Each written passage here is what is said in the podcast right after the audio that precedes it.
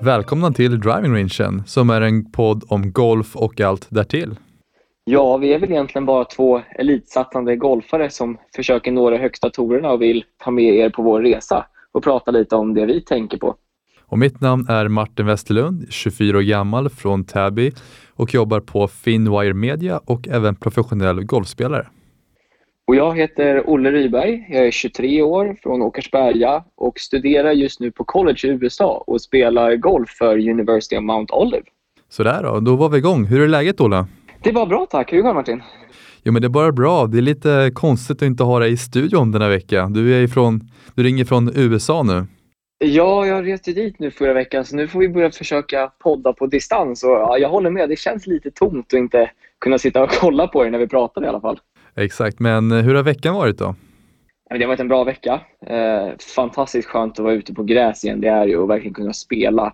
Inte bara stå och slå in i ett nät eller en duk eller liknande. Utan verkligen få vara ute och känna på spakarna på riktigt igen.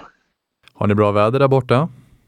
Ah, lite kallt för mitt tycke, men det rör sig mellan 10 till 14 grader och ingen regn än så länge i alla fall, så det är skönt. Så banorna är i riktigt fint skick faktiskt. Det verkar ha varit en bra vinter för dem. Så det är roligt. Det rullar riktigt bra där ute. Mm. Ja, här i alla fall, här eh, regnar det just nu och eh, ja, ganska kallt, rått och mörkt. Ja, när jag lämnade Sverige så var det några decimeter snö och oväder varje dag. Hur är det nu? Är det fortfarande snöigt eller? Ingen snö. Nu är det faktiskt, ja, det har ju regnat en del här nu så det har smält bort. Så det var väl, det är väl fyra grader just nu när vi spelar in. Härligt. Det låter ju underbart golfväder, eller hur? Så jag är glad att du får vara ute i värmen i alla fall. Det är skönt. Ja, men jag såg, såg på din Instagram att du var inne och svingade lite på Ullna Indoor. Det såg ju riktigt bra ut. Känns svingen bra? Ja, men det var i alla fall 17-18 grader där och ganska soligt med lamporna. Nej, nej men det känns bra. Det var, nej, det, var vind, det var lite vindpusta från dörren där nu då. Men eh, det känns bra. Jobbar mestadels teknik, basic-saker, så börjar kännas riktigt bra nu i svingen så jag är taggad på säsongen. Ja, men det låter ju bra. Och där tycker jag är ganska roligt att du just säger det, att du jobbar mycket grunder och basic-saker. För även om man kommer till en ganska hög nivå som vi båda är på så är det mycket grunder man jobbar. Det är uppställning, det är svingår, spår och, tempo och sånt där. Det är egentligen det som är main blocks av varje träning, i alla fall för mig. Där håller jag verkligen med. Så just nu för min del jobbar mycket på startriktning. Mm. Och eh, ja, men uppställning, greppet, kolla salt i square och så vidare. Och så brukar jag filma bakifrån även framifrån eh, och då kan man ju använda finns en del olika appar där man kan rita lite linjer och så vidare så man ser vart och hur man hur det ser ut helt enkelt om man siktar helt snett eller inte så. Det är inga stora grejer men det är små saker som gör skillnad.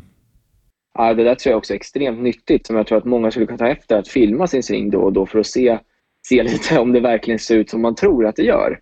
För ofta har man en viss en bild själv av att jag tror att det gör så här men det är inte i själva verket alltid sant. Så det kan vara väldigt nyttigt att se vad man egentligen håller på med. Ja, för känslan och verkligheten är oftast två helt olika saker. Definitivt. Ja, ska vi eh, prata lite golfaktuellt och vad som har skett runt om i världen. Sist så pratade vi lite om eh, Hawaii där ute och eh, mm. Justin Thomas var ju i hetluften där han ja, uttalade sig. Vi måste väl återknyta lite till det och säga vad som hände där. Ja, de rev ju kontraktet, eller Ralph Lauren rev kontraktet ska jag säga, med eh, Justin Thomas då, så i dagsläget så spelar han utan någon klädsponsor, men eh, jag tror inte han har direkt svårigheter att hitta något nytt märke, eller vad tror du? Nej, jag känner lite likadant. Om de känner att det var rätt val att det där var utanför vad de kan acceptera, även trots att han gick ut och sa, bad om ursäkt för det han hade gjort, om de känner att det inte är en sån spelare de vill ha, så är, då är inte han den spelaren de vill ha. För han kommer ha hundra andra klädmärken som är beredda att sponsra honom just nu eftersom han är uppe i världstoppen. Så ja, jag antar att det här var lika bra för båda situationer som hände då. då. Men som sagt, man kan ju ha åsikter om vad det verkligen var rätt att det de gjorde. Det finns ju alltid två sidor av ett argument. Och, eh, men eh, ja, som sagt, han kommer inte ha några svårigheter att hitta något annat märke tror jag definitivt inte. Nej, definitivt. Speciellt när jag såg att Rory gick ut här bara för några dagar sedan och backade upp JT och sa det att alla gör vi fel och han tyckte, alltså Rory då tyckte att JT bara varit en större människa för att han visade att han kunde göra fel men sen direkt gick ut och bad om ursäkt och erkände det och inte försökte spela bort det utan han verkligen tog ansvar för sitt misstag. Så som sagt, jag tror inte att JTs varumärke är på något sätt skadat och jag tror att någon kommer plocka upp honom direkt. Ja, men han är en sån karaktär och folk vill ju se honom spela. Han är ju en världsspelare, så som sagt, han kommer inte några svårigheter att hitta något nytt klädmärke, tror jag absolut inte. Men ska vi prata om en lite roligare stjärna som varit i lampljuset då, från igår. Rory kliver ut och skjuter 64 i Europatorens start. Ja, Abu Dhabi där. Han spelade riktigt bra golf där. Jag kikade till och från under hela varvet där och det såg ju väldigt enkelt ut. Och så, nej, men han eh, start, brukar starta ganska starkt faktiskt, så det var kul att se.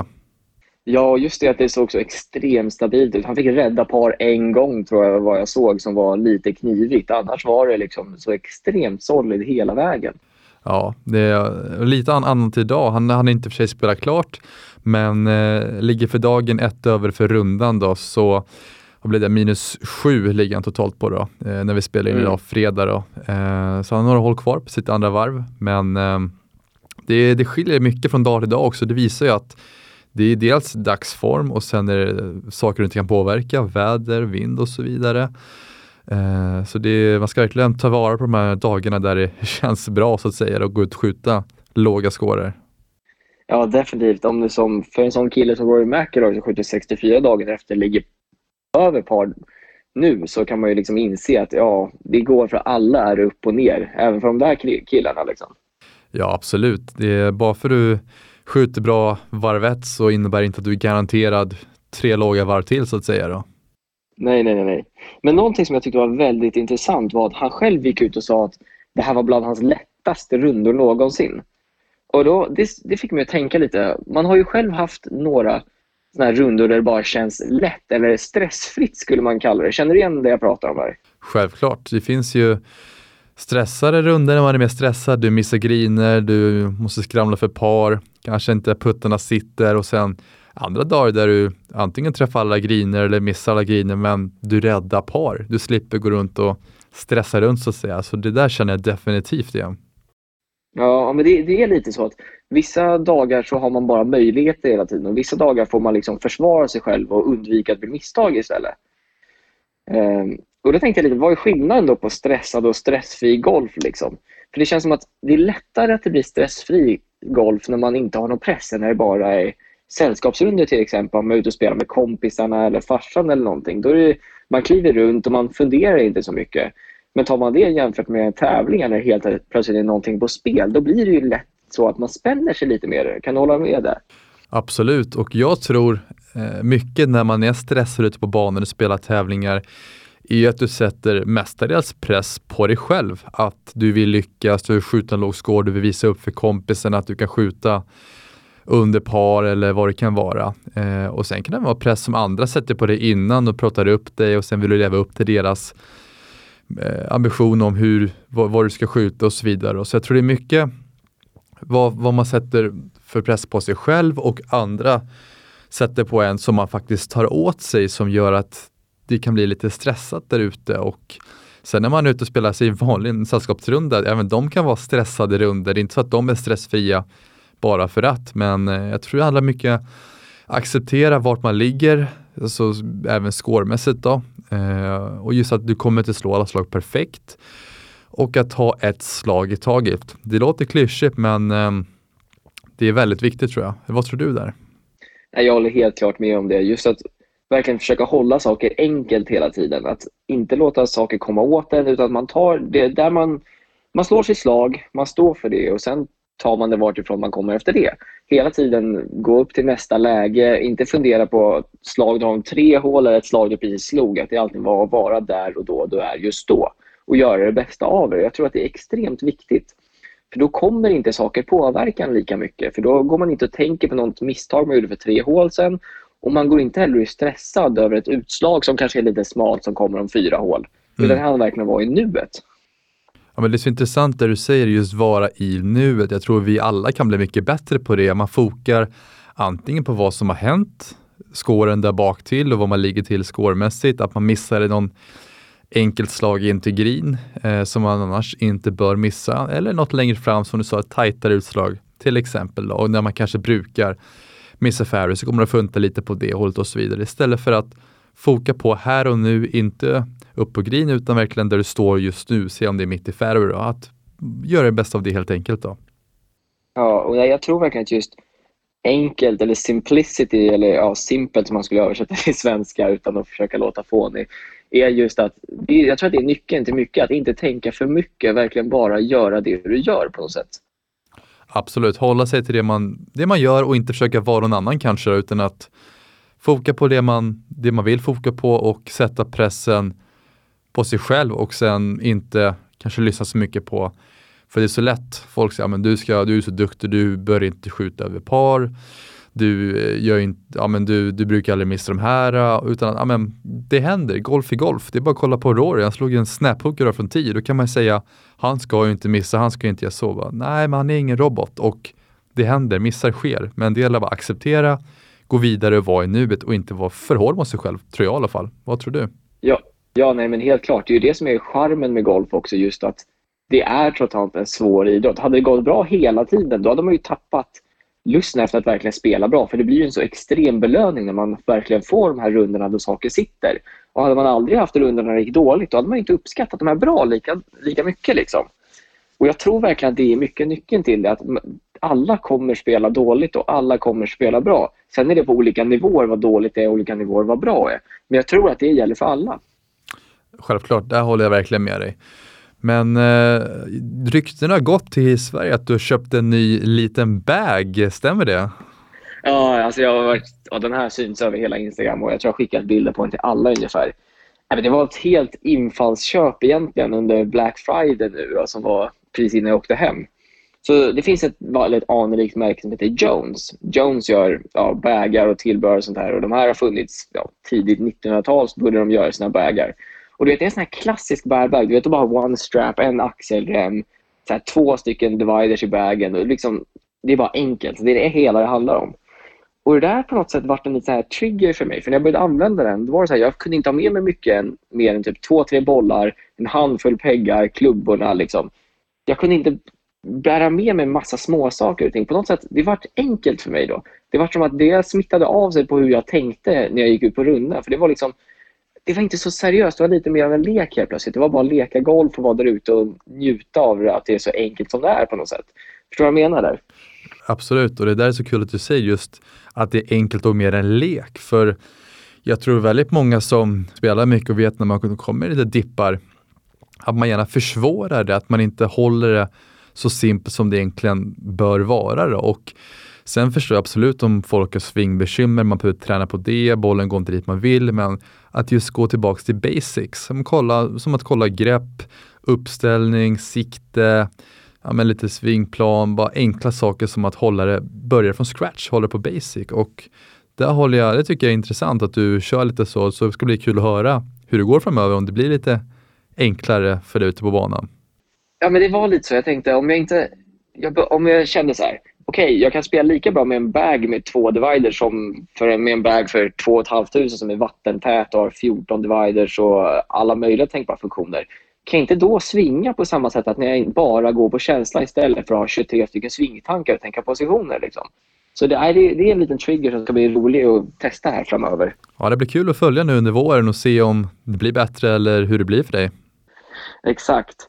Men Martin, om vi pratar om stressad och stressfri golf. Och så Många känner ju säkert att sällskapsgolf är lätt att slappna av på. Men när man kliver på tävlingar så blir man ju, alltså de flesta blir extremt nervösa. För det gäller ju även för oss och Tiger pratade om också. Och det tror jag att du också kan känna av att det är en annan känsla i kroppen när man är där ute. Det är det verkligen, jämt att jämföra med kanske ett, ett inspelsvarv till en tävling då det är ganska lugn och avslappnad. Men sen nästa dag när du står där och du spelar med några andra du inte känner och eh, det står en startare på 10, klart, klart du blir nervös. Ja, så det var en lite ledande fråga. Så tänkte jag då komma in i liksom, vad tror du att man kan göra eller hur tänker du kring nervositet på, på tävlingar och hur hanterar du det? Mm. Ja, det är en intressant fråga och ett viktigt ämne tycker jag i alla fall. Eh, vi kan bara gå tillbaks för några år sedan. Du blev väldigt nervös på tävlingar. Jag kände mig oförberedd helt enkelt. Då. Jag hade tränat väl för tävlingarna trodde jag, men eh, det visade sig, visade sig att jag inte var så redo som jag kanske trodde. Så vad jag har gjort för att ja, överkomma det kan man väl inte säga, man är väl fortfarande kanske lite nervös, men det är lagom nervös skulle jag vilja säga, är att jag förberedde mig dels mentalt mycket bättre. Jag spelar banan i huvudet några gånger, så man har redan gjort det. Utöver själva inspelsvarven såklart då. Så man, har, så man kommer upp dit, ja men här har jag spelat, här slog jag det här slaget i huvudet och så blir det lite enklare att återskapa det. Men eh, sen tror jag också mycket på att kunna sin sving, veta vad missarna är och spela lite till sina begränsningar. Att inte tro att man ja, kanske är en Tiger Woods eller Rory fast man är långt därifrån utan att okej, okay, men jag brukar slå så här långt och jag brukar inte slå kanske lika långt som Rory eller Tiger, att man utgår från sig själv. Och sen att man förbereder sig, ja, men att man, ja, men som den här banan, då är det mycket långa järn från 10 och så vidare. Att man kanske tränar det extra mycket upp till tävlingen så man, är, man kommer in väl förberedd. Ja, jag tror att du är inne på helt rätt spår. Det är just det att vara väl förberedd och kunna lita på sig själv. Så även när det börjar skaka så kan man gå tillbaka och fortfarande lita på att ens kropp och en sving kommer göra det den ska och att man har en tydlig plan. Jag tror att det är extremt viktigt. Men sen vill jag eh, gå tillbaka till lite jag pratade om, för jag vill bygga på det svaret lite, just att ja, tänka att man är en thai eller Rory. Det är inte alls fel att tänka så, men det jag menar är att du ska inte tro att du kanske har längden som de har så att du liksom tar dumma risker från 10 eller kanske sätter vatten i spel eller bunkrar med inspel och så vidare. Utan att självklart ska du tänka att du är världsbäst eller att du kanske är en Tiger eller Rory, men du ska ändå veta var dina begränsningar går i till exempel längd och så vidare. 100 procent. Man ska inte skriva ut checkar som man inte har täckning för riktigt. Det är lite så. Det där kan vara det bästa du sagt för podden tror jag. flosklerna haglar här just nu. Men... Ja. ja, men det är bra. Nej, men jag tror det är, det är aggressiva linjer, men på defen... Nej, aggressiva svingar, men på defensiva linjer brukar man mycket snacka om här borta på collegegolf.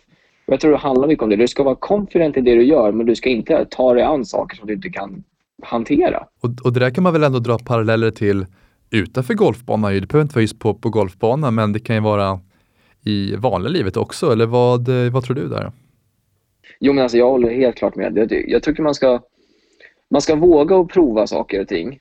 Och man ska ha confidence i saker man gör. Men man behöver inte försöka göra saker som man, ja, men som man egentligen inte alls har någon aning om hur man gör eller ta på sig för mycket. För då kan det sluta med att man blir för stressad av situationer och till slut hanterar man inget alls istället. Lite så jag tänker om situationer i alla fall. Men det där är så intressant när du säger att ha confidence och göra saker och ting. Men då kommer ju frågan, hur får man självförtroende eller confidence? Jag tror att självförtroende det bygger mycket, ja självklart bygger mycket på en själv. Men egentligen tror jag bara att det är ett tankesätt. Det är som för några år sedan brukade jag vara extremt nervös på tävlingar. Första tid, liksom, jag stod och skakade och visste knappt vilket som var upp eller ner när jag stod på jorden. Men då läste jag någonstans att nervositet och att du känner det, det är egentligen bara din kropp som visar att den är redo att fightas eller redo att prestera på något sätt. Så jag tog det som att den här nervositeten den gjorde bara som att jag slog rakare och att jag slog längre och övertalade mig själv till det. Då kunde jag använda min nervositet till att spela bättre golf. Så det var sättet jag kom över det. Och Jag tror att det är extremt mycket samma sak i resten av livet också. Intala dig själv att du har bra konferens och säg det till dig själv att du är starkast och vackrast och snyggast eller vad du nu vill vara. Till slut kommer du börja tro på det och det funkar för dig. Håller du med lite där? Absolut. Det där använder jag mig själv mycket av det jag lärde från, som jag nämnt i tidigare avsnitt, min mentala coach i USA. Just att vad du skriver, tänker och pratar om blir du. Och just att du intalar dig själv att du är, ja men som du sa, stor och stark eller att du slår långt från tid, du sätter allt inom fem meter på grinen. Till slut så börjar du tro på det. Och det, självförtroende är ju så otroligt viktigt. Det, det kommer inte ta hela vägen, men det tar dig så mycket längre än om du inte har självförtroende. Ja, ja, ja 100 procent. Jag håller helt klart med. Det är just det. Det du intalar dig själv, det blir du. Om du säger varje dag när du ska gå ut och spela att ah, nej, jag slicear alltid driven eller ah, jag slår alltid mina puttar dåligt. Gissa vad som kommer hända? Du kommer göra just det. Så det där tror jag att många skulle kunna ta med sig också som kanske lyssnar på vår podd och som vill bli bättre på någonting. Att fan testa det. Bara intala er själva att ni är bra för någonting och ge er själv positiva tankar kring något så tror jag absolut att ni kommer att se en skillnad. Och det där är så intressant när du säger ge positiva tankar. Det har ju, jag har spelat många, det vet jag att du också gjort. Eh, glada amatörer som kanske har en, ja men säg en 10-8 handikapp, duktiga golfspelare. Men eh, som säger att ja, men jag suger på puttar, brukar aldrig sätta de här och sen när de missar, de klankar ner på sig själva väldigt mycket. Istället för att lyfta upp sig också när de väl slår ett bra slag, då blir det ja, det där var, det där var mest tur, det, det händer inte så ofta. Det säger sig självt, det håller inte i längden det där. Då kan man ju vrida på det lite, okej, okay, skulle en världsspelare i antingen golf eller vilket område du än tänker på, skulle de tänka sådär när de gör någonting bra kontra dåligt? Jag skulle inte tro det. Nej, nej, nej. Det är verkligen det att ta tillvara på de saker du gör bra. För ska du alltid fokusera på negativa, då kommer hela din värld bli väldigt negativ tror jag. Du, det där stämmer mer än vad, eh, vad många tror. Det där är sanning. Det, jag, tror, jag tror det. För det kan man se mycket torspelare också. Det finns ju båda, båda delarna. Det finns de som ser väldigt negativa ut, alltid ser bittra ut. Och hela tiden, så fort det slår ett dåligt slag så ser du att de står och tänker igenom svingen.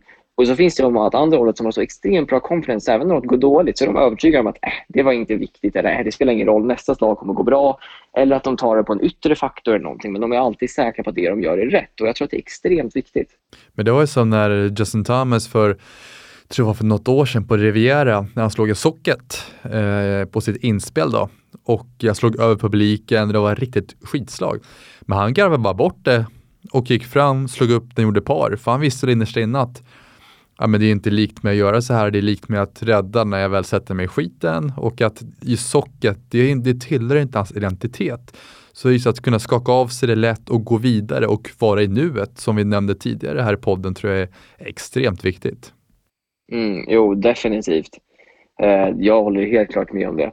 Men just det här med nervositet, så här, hur tror du att, kan man träna det någonting på golfbanan också? Vi pratar mycket om hur man ska ha självförtroende, hur man ska tänka. Kan man, kan man sätta upp övningar och på något sätt träna att vara under pressade lägen tror du? Har du några bra tips för det? Det finns väldigt många bra tips. Eh, något som jag brukar göra är att eh, du tränar som du tävlar.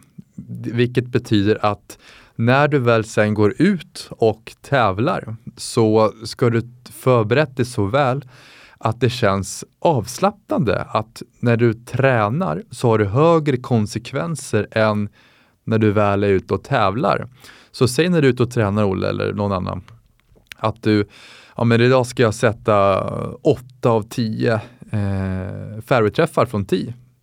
Och uppnår inte jag det så måste jag kanske göra, men säg 50 armhävningar i gymmet ikväll då. Eller bara någonting som får att vilja ja, men steppa upp lite, nu, nu gäller det liksom. Och så kanske du når upp till det eller så gör du inte det, du betalar av dig straff och sen ja, men du, så kanske du uppnådde det och så men du, jag är rätt duktig, jag är, fan, jag är bra från tid. Det är likt med att träffa många, många fairways då.